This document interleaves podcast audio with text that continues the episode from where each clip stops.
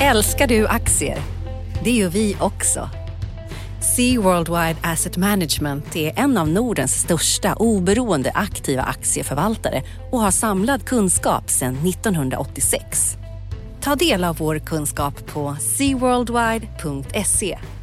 Bokstaven C, worldwide.se.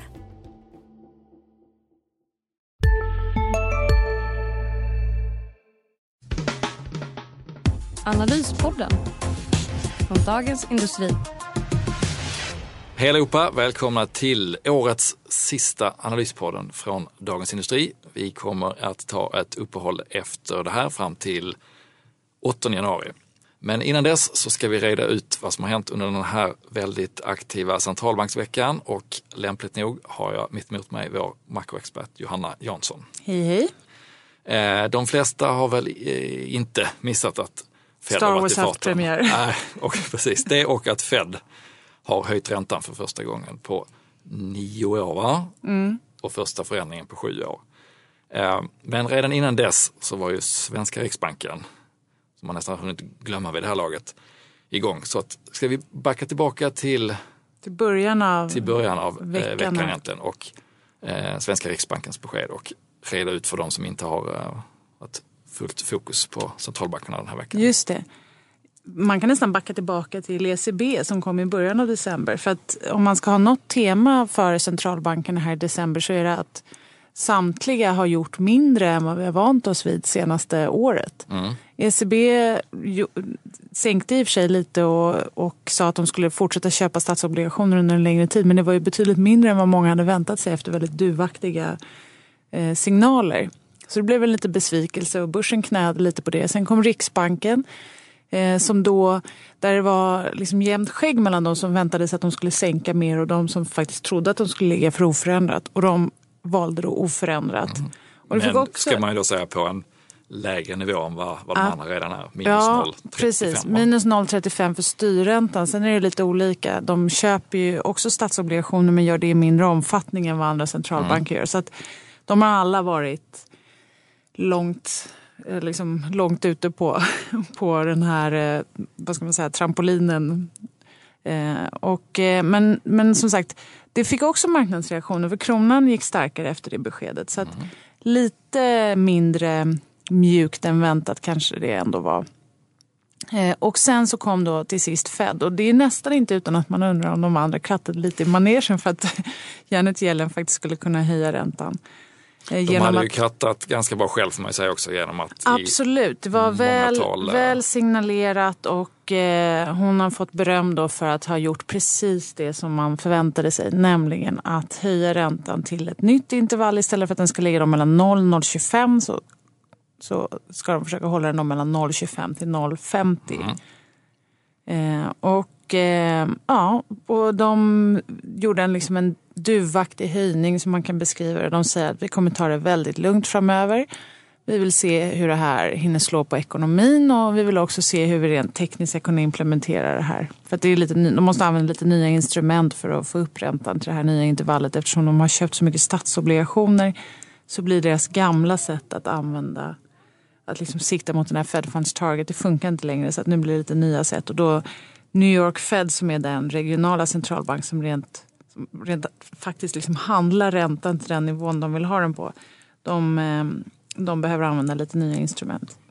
Ska vi förklara att en duva, för de som inte är med i fågelskådningen här, är någon som vill hålla räntan låg, grovt förklarat. Ja. Och en hök är då en som är benägen att höja räntan Precis. bland medlemmarna i eh, Lite mer aggressiv. En hök är mer aggressiv än en duva. Nu de senaste åren så har ju duvorna varit aggressiva för att det varit åt andra hållet. Men det är väl det man tänker på egentligen att hökarna då ska vilja strama åt fortare. Och på börsen så gillar man ju då eh, duvan ofta lite bättre eftersom låg ränta är bra för börsen. Fast inte den här gången och det var ju lite bakvända världen för nu höjer man räntan och det blev ju liksom positiva börsreaktioner på det. Och egentligen så det, det påminner om en hel del andra saker som har hänt här under senaste året. Och det kanske är så att vi har blivit så bra på att analysera historien, jag har ingen aning, men att man har med eh, liksom en stor datamängd så kan man säga så här, men det brukar gå så här mm. jämfört med liksom, alltså, senaste gångerna Fed har höjt räntan som vår Mikael Wilenius har skrivit om och jag har skrivit om det i DI också. att det, har, det har varit en bra börssignal därför mm. det betyder att ekonomin går bättre och det brukar lyfta börsbolagens eh, vinster och sådär. Så att, eh, det lönar sig att lita på Fed helt enkelt och det behöver inte vara så att man ska sälja börsen bara för att Fed höjer räntan. Och då hoppade marknaden över det här, verkar det som, det initiala steget som har varit att börsen går ner lite först direkt när räntan höjs. Och så gick man direkt på det som man då eh, ska komma skall. Nämligen och att... man kanske måste se det i ljuset av förra mötet också där man de flesta trodde på en höjning men där det inte blev en höjning och Fed eh, lyfte då fram risker utanför USA som, som ett argument för det. Vilket mm. gjorde att många blev rädda för att nu har Fed sett någonting som vi eh, inte är lika rädda för. Fast de är det inte lite underligt ändå? Alltså jag håller med om att, och jag har ju själv skrivit artiklar med just med titeln att räntehöjning skulle vara en bra börssignal. Så att egentligen det är inte ologiskt på något sätt givet liksom, de förväntningar som har legat och det klimat vi befinner oss i just nu. Men är, håller du med om att det är lite lustigt egentligen att man blir så glad över en räntehöjning i USA. För att om man verkligen hade gjort sin hemläxa när det gäller på liksom vad man tror om värderingarna ja. i bolagen och eh, hur vinsttillväxten ser ut och vad man tycker är rimliga liksom, P tal och sådär. Då är det egentligen det enda som har hänt nu och jämfört med då för två dagar sedan, det är att det blir dyrare att låna och dollarn har blivit lite starkare. Ska det vara bra för börsen i USA egentligen? Ja, Nej, inte för börsen som... i USA. För svenska börsen är det ju eh, totalt sett bra, men lite eh, starkare dollar eftersom många exporterar och säljer varor i dollar. Men, men visst, en, en högre ränta ska ju vara sämre för börsen. Men en, samtidigt som en stark ekonomi är bra för börsen. Och det är väl den här balansgången som som gjorde att jag tror de flesta var genuint osäkra om hur även en höjning skulle tas emot innan, innan det kom. Så att det var inte alls givet att det skulle bli en så stark eh, positiv reaktion.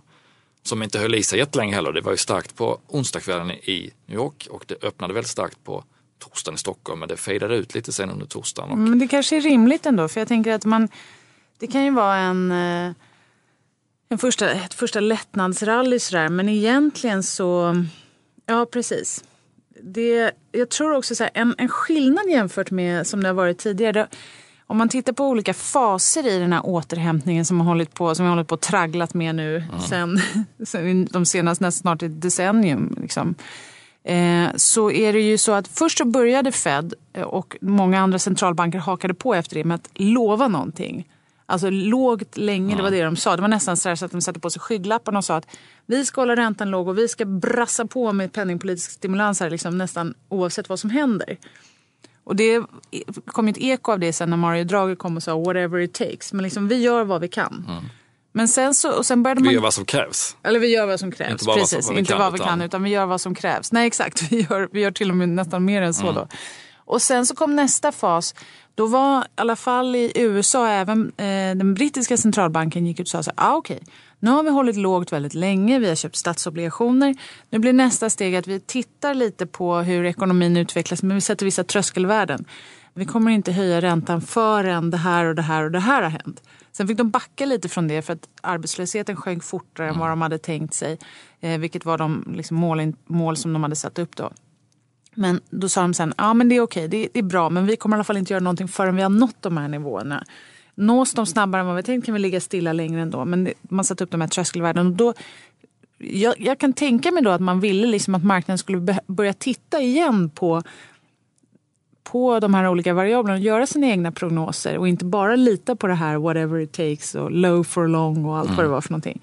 Och nu är vi inne i den tredje fasen egentligen då, för då, nu säger de då vi kommer ta det väldigt lugnt men våra framtida höjningar beror på den inkommande statistiken. Och egentligen det jag hör när Janet Yellen säger sånt det är att sluta lita på oss fullt så mycket nu utan gör era egna prognoser om vad ni tror ska hända. För det som är risken med de här låga räntorna det är att det blir de här liksom eh, bubbliga marknaderna. Mm. Och de bubbliga marknaderna blir ju för att man stirrar sig blint på några förutsättningar, nämligen den låga räntan som då kanske inte ska hålla i sig jämt. Så att egentligen vad de säger nu är så här, gå hem, kolla igenom era bolag, räkna igenom mm. och, och gör en egen bedömning av om ni tror att de kommer ge den vinst ni tror på. Så liksom räkna inte bara med något absolut värde på räntorna. Utan så, Mm. Nej, det, blir, det blir lite grann tillbaka till basics nu. Man får titta hur kommer vinsterna se ut och hur kommer de se ut? Kanske inte i ett normalt ränteläge men åtminstone i ett läge där det finns en ränta. Nej, Inte- det är rimligt att tro att räntorna ska fortsätta vara låga och allt det där. Men liksom,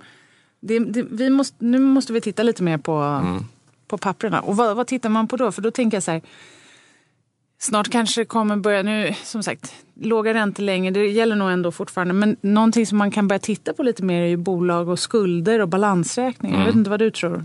Ja men så är det och det som har skakat innan det här Fed-mötet när det gäller just eh, räntepapper är ju de här high yield bonds i USA, eller junk bonds som de mer populärt kallas, alltså skräpobligationer. Eh, I betydelsen att de inte har investment grade, alltså att de är lägre rankade av kreditvärderingsinstituten eh. Och eh, räntorna på dem har stuckit iväg och eh, priset för att försäkra sig mot betalningsinställelser har stuckit iväg. Och de fonder som har investerat i de här har störtdykt. Och det som verkligen har skrämt senaste veckan, en och en halv vecka, är ju att eh, åtminstone tre fonder i USA har stängt Vi är specialister på det vi gör, precis som du. Därför försäkrar vi på Swedea bara småföretag, som ditt. För oss är små företag alltid större än stora och vår företagsförsäkring anpassar sig helt efter firmans förutsättningar. Gå in på swedea.se företag och jämför själv. Just nu pågår vår stora season sale med fantastiska priser på möbler och inredning. Passa på att fynda till hemmets alla rum, inne som ute, senast den 6 maj. Gör dig redo för sommar. Välkommen till Mio. stängt igen och ska sälja tillgångarna och betala tillbaka pengarna. Därför att investerarna vill plocka ut pengarna ur fonden.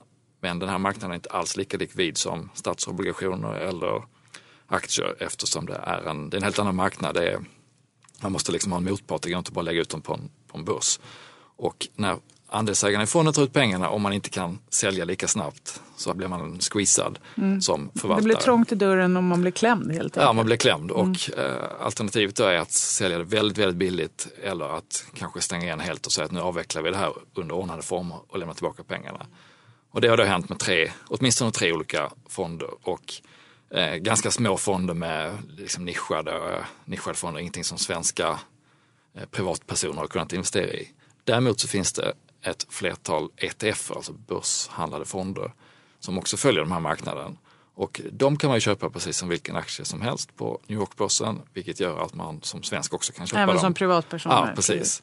Eh, Och de fonderna, de två största, har ju haft en väldigt tuff november och början på december. Nu har de vänt upp efter beskedet i, i, linje med börsen också. Men, men de störtdök ju och eh, det är ju intressant för de som har investerat i det här naturligtvis. Men det, det man frågar sig är, ju, är det här, alla minns ju hur det började förmodligen då 2007 med bostadsobligationer som, som ingen Och du riktigt som har förstod vad det för var. du har skrivit om det här i tidningen i veckan. Du som har tittat lite mer på det. Vad, vad är det, hur ser du på det? Är det någonting som är, är det en eh, varningsklocka eller som bara liksom säger att det här får man titta lite extra på? Eller är det någonting som kan bli en, en stor, eh, alltså det börjar litet och så blir det den här stora snöbollen som sen blir en snöflod. Mm. Nej, det, det, tack och lov tycks det inte vara samma snöbollsvarning eh, som bostadsobligationerna var då 2007-2008.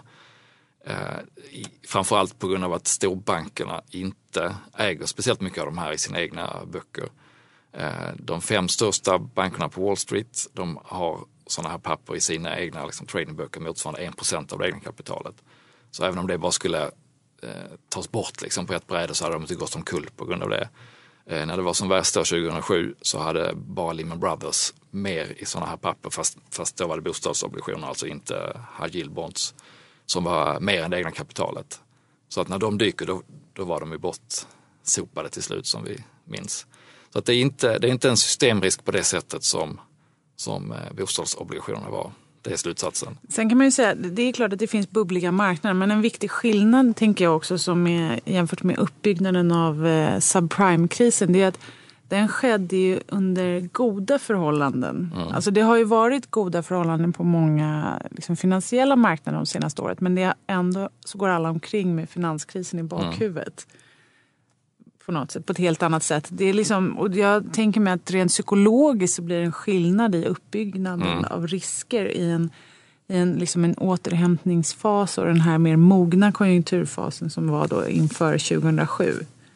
Ja, och det är ju kombinationen av kanske värdepapper som man inte helt vet vad det handlar om och det är lite otäcka namn. High yield bonds, högriskobligationer, junk bonds eh, i kombination med att, att det är väldigt låga räntor och man ska också komma ihåg när det gäller just den här typen av värdepapper att de flesta av de här bolagen som då har gett ut obligationer, eh, eller ungefär en fjärdedel av, av den totala skuldkakan i USA, är eh, energi och eh, råvarubolag. Och att de har det tufft, det, det är ju inte så konstigt med tanke på råvarupriserna. Nej, men det kan ju fortfarande vara lite Det, Det lite kan fortfarande vara den ändå. eh, tuvan som, Ja.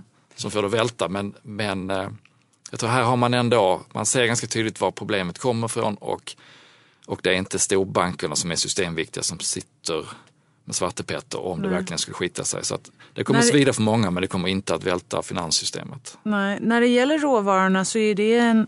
Där, oljan var väl det som gick åt fel håll då direkt efter Fed-beskedet. Det var mycket positiva tongångar både på börsen och även, även eh, på valutamarknaden. Och, då, och vissa räntor steg men inte dramatiskt på något sätt. Nej. Men oljepriset fortsatte ner. Oljepriset fortsatte ner och det är delvis dollareffekten då som gör att... En starkare dollar trycker ner oljepriset. Precis. Och dollarn, som många andra råvaror, prissätts i dollar och en stark dollar gör det dyrare i alla andra valutor. Så det sätter press. Plus att det har kommit eh, lagerstatistik i USA som visade på en jättestor uppgång i lagren när man trodde på en nedgång. Så att hela det här utbuds, eh, utbudsoron har ju ökat eller kvarstår. Att Iran är på väg ut och öppna sina kranar och att USA OPEC kanske drar inte släpper igen. sitt exportförbud Precis. på olja. Och de här skifferproducenterna fortsätter då tydligen att spruta ut sig allt vad de kan. Så att det är ingen som håller igen bland producenterna samtidigt som efterfrågan inte riktigt lyfter när det är Vad kan man tro om oljan egentligen då? Det finns ju alla möjliga prognoser. Vissa tror på 100 dollar nästa år och andra tror på 20, så lågt som 20. Ja, de här domedagsprognoserna brukar ju dyka upp när det har rasat en bit. Så det kanske är ett tecken på att eh, botten är nära. Men nu på, eh, på torsdagen här så kom det en 20 dollars eh, varning från, jag tror det var Goldman Sachs och det såg vi några i våras också som, som trodde att det kunde falla dit. Det är otroligt svårt att säga men man kan konstatera att de som för ett år sedan trodde att 70-80 var säkert någonstans där det ska hämta sig och plana ut. För det hade ju börjat falla redan förra hösten. De prognoserna är inte lika vanliga. Du var en av dem? Ja, jag men trodde det, nog ändå det var att det väl skulle- ja. konsensus att, att den här stora nedgången kommer att hämta sig och sen kommer det plana ut på Mm. en lägre nivå än tidigare men ändå en, en kanske 70, 60-70 dollar. Mm.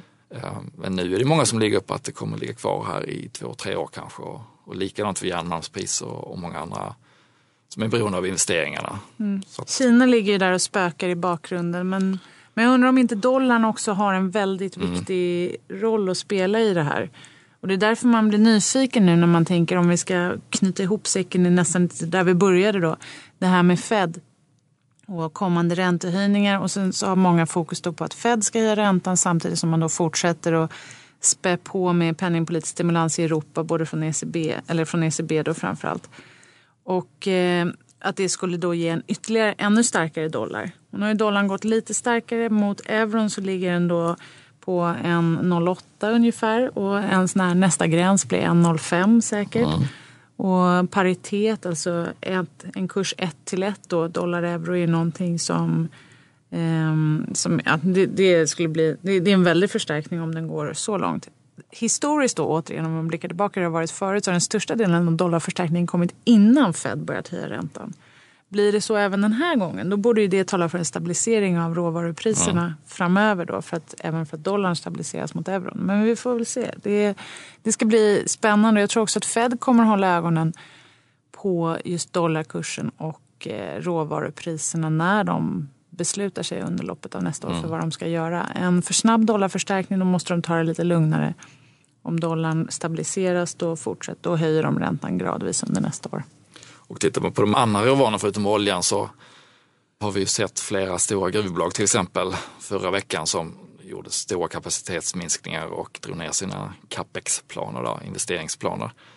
Och, när det väl slår igenom, vilket kommer att ta tid, så mindre kapacitet innebär, ska innebära att priserna går upp. Så att det kan säkert komma stora körningar upp när, när någon eh, bestämmer sig för att nu lägger vi ner den här koppar eller zinkgruvan och så sticker priset. Men sen tar fundamenta över. Så att eh, ja, det blir ett spännande råvaruår mm. även de, 2016 kan vi nog eh, utlova. Ja, de svenska bolag som är exponerade mot den här sektorn, de lite större, du har träffat några sista tiden, är det inte så? Mm, jag har träffat Atlas eh, Copcos vd Ronny Leten som är underleverantör, stor underleverantör till gruvindustrin och eh, indirekt också till, till oljeindustrin genom att de, deras kompressorer sitter överallt i världen. Det brukar de eh, slå på trumman att de finns överallt och det är ju positivt. Vad var ditt intryck när du träffade honom då? Hur... Alltså det man kan ta med sig är ju, tycker jag, att han inte var speciellt positiv när det gällde investeringskonjunkturen på, på några års sikt. Att, eh, jag fick inte känslan av att han trodde att eh, det snabbt kommer komma tillbaka, att, att deras kunder kommer våga göra stora investeringar i, i olja eller gruvor eller eh, någonting annat. Utan det är konsumtionen som måste dra och det är för deras egen del då att göra mer eh, service och mer eftermarknad och eh, göra förvärv på rätt ställen för att kunna få eh, hålla uppe tillväxten. Så att ja, lite same same som det här året och förra året och, egentligen mm. året innan. Att den organiska tillväxten är ganska klen. Man får köpa bolag, man får skruva på det man har för att uh, fixa det och få upp priserna och hålla lönsamheten uppe. Mm.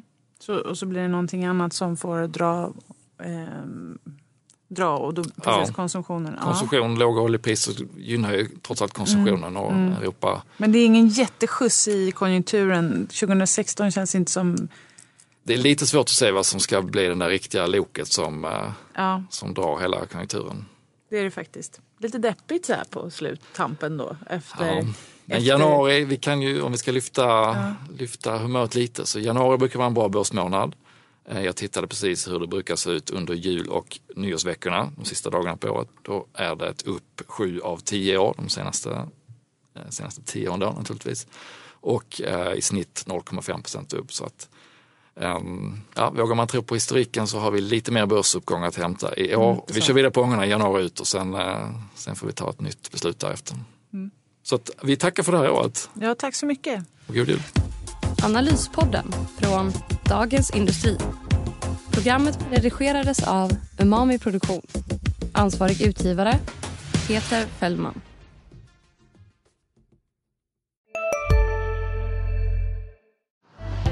Älskar du aktier?